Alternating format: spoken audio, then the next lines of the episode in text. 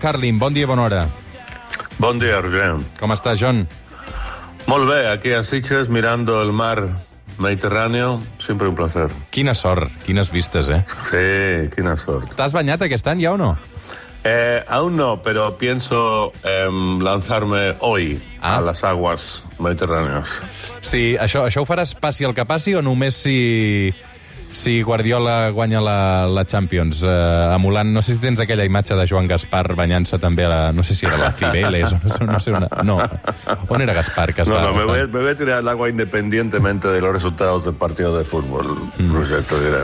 Però suposo que estaràs pendent d'aquesta final, no, avui, John? Sí, sí, sí, sí, sí, sí, con mucho, mucho interés. Lo voy a ver aquí en, en Sitges. Tengo unos muy buenos amigos que tienen una, una casa fantástica. Habrá vinos, habrá butifarra, habrá una gran pantalla de televisión. Y, y claro, y un fenómeno interesante, ¿no? Que, que he detectado aquí. Bueno, tampoco necesita una gran visión para verlo, pero que hay muchos eh, fans del, del Barça que, que tienen claramente ahora como segundo equipo el Manchester City, eh, debido a la conexión Guardiola principalmente, ya que, claro, son los herederos en cuanto a belleza de juego del, del gran equipo de, de Pep del Barça. Mm.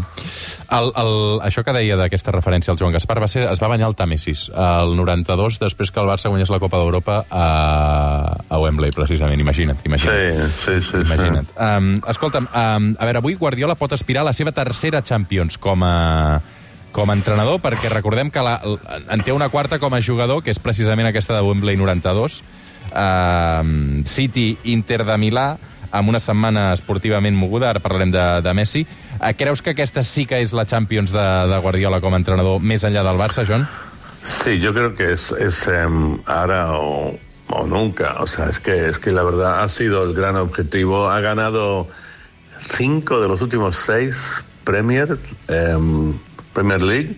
eh, y lo que le queda es esto. Y es, es como, no sé, tiene algo, ha habido una especie de, de bloqueo que creo que mucha gente ha pensado que los últimos tres o cuatro años el City ha sido el mejor equipo de, de Europa, o sea, del mundo, pero no lo han logrado. Y ahora, bueno, si ves la diferencia entre las plantillas, jugador por jugador, eh, el City debería ganar por goleada. O sea, sobre el papel es muy fuerte, pero claro, el problema es que el fútbol se juega sobre la hierba y es más complicado y ocurren cosas raras. Amb l'Inter de Milà, que recordem que va eliminar el Barça a la fase de grups. eh, i Sí, que és, una gran sí. sorpresa que arribi a la final, l'Inter, no? Sí, sí, una gran sorpresa, pero aparte lo tuvieron bastante más fácil el camino después de la fase de grupos, que tuvieron algo de suerte. O sea, el Barça podía haber pasado fácilmente con un poquito de suerte aquí o allá.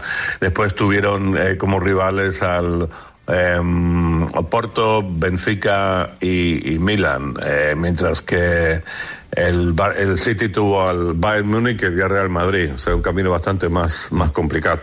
El John Carlin és una de les primeres veus que jo recordo alçar-se i dir no vull que Messi torni al Barça. I, i finalment el desig s'ha complert. Eh, I a més a més doble en el teu cas, perquè també deies que hagués estat una aberració total que se n'hagués anat a jugar a l'Aràbia Saudita. Per tant, finalment, també pluja de milions per Messi eh, a l'Inter, un altre Inter de Miami, en aquest cas, Ah, John. El Inter de Miami, sí, sí. Bueno, no sé, yo, tengo la sensación de haber dicho varias veces que, pensaba que esa era la opción más probable de las tres, Barça, Arabia Saudí o Inter de Milán. Pero igual, claro, me lo estoy imaginando para, para, para transmitir la idea de que soy un sabelo todo, pero, pero creo que, que siempre fue la opción más factible. El Barça es un problema de, de dinero, aparte esto de las segundas vueltas y tal, no sé. Lo de Arabia simplemente me pareció tan feo, tan indigno, o sea, ya, ya me, me, me he cabreado lo suficiente hasta el aburrimiento con el tema de que él sea embajador de turismo de, de Arabia Saudí. Y Milán y, y el Inter Miami parecía una buena opción. En Miami Creo que entiendo que Messi tiene una casa, es un lugar, una especie de capital de América Latina, llena de argentinos y asaditos, ¿viste? Y, bueno, y los niños que hablan también inglés estarán bien ahí, también con el español, en Miami, que es una ciudad como latinoamericana, como digo. Eh, y bueno, un lugar para, para, para que Messi haga su, su prejubilación. La verdad que tienen suerte estos, estos jugadores de hoy en día. Esto no tenían los jugadores hace, no sé, 10, 20 años, que ya están como casi, casi caducados como jugadores en las grandes ligas y van a otro lugar y ganan lo mismo. Menudo chollo. Però, ostres, um, clar, dius Miami, sí, totes les virtuts, però de futbol, el soccer eh, crec que és el sisè esport dels Estats Units, John. De futbol molt poquet, aleshores, de diners molts, no? Però, Sí, sí, però potser sí, no, encara, mira, però és potser que encara el- una, una o dues temporades al nivell a Messi encara potser les tenia, no, Europa? Sí, yo creo que sí. Y, y más si. Bueno, dice que quiere seguir jugando para la la selección argentina en la Copa esta Copa América y quiere mantenerse en forma para eso. No sé, yo creo que Messi ya logró su gran objetivo de la vida cuando ganó el Mundial, ahora el- a finales del año pasado. No sé, creo que, que está, obviamente es más lento. Si ves, ves vídeos ahora de, de Messi jugando comparado con, con hace 10 10 años, mucho menos electricidad y rapidez en el juego. No sé, creo ya tiene sus 36 años, entiendo, creo, ¿no? O, o casi 37.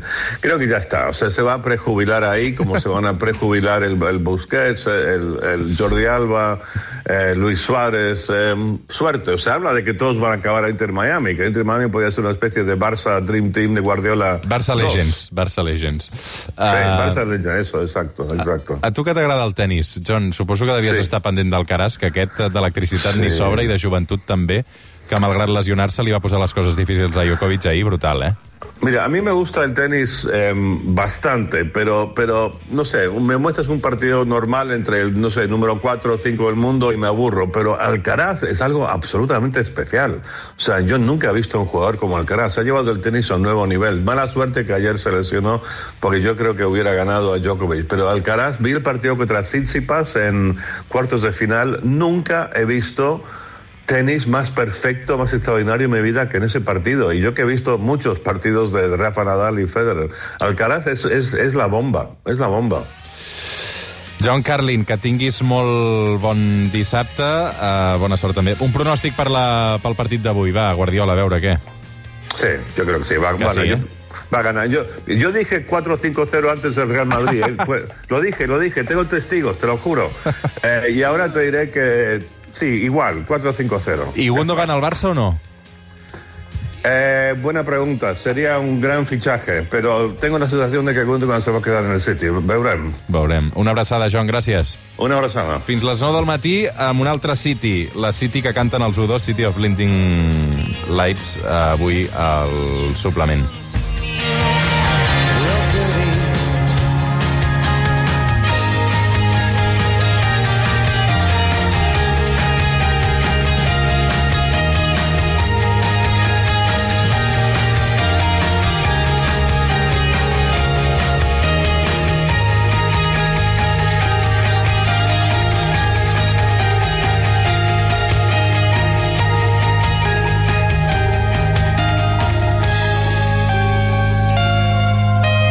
El suplement, amb Roger Escapa.